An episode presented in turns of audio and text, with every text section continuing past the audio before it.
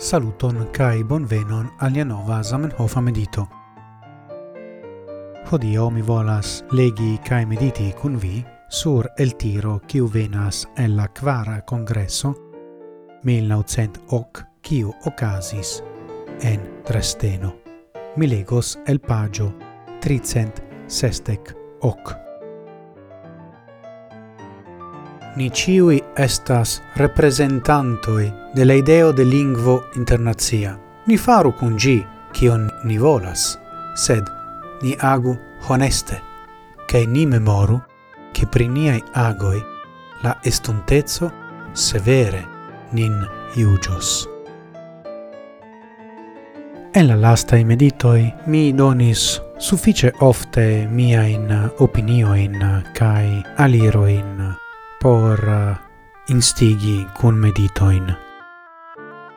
Hodio mi volas starigi demandon, anstatau proponi unue mian perspektivon. Do, ciu vi consentas cun Zamenhof citie? Ciu ni estas liberai fari kion ain ni volas cun uh, Esperanto? Ciu la limo de niai agoi estas honestezo. Cai cion signifas che la estontezo severe iugios? Ciu tio ancora valoras por ni, kiui estas la nepoi de la pioniroi facte? Ciu ni severe iugias niain pioniroin?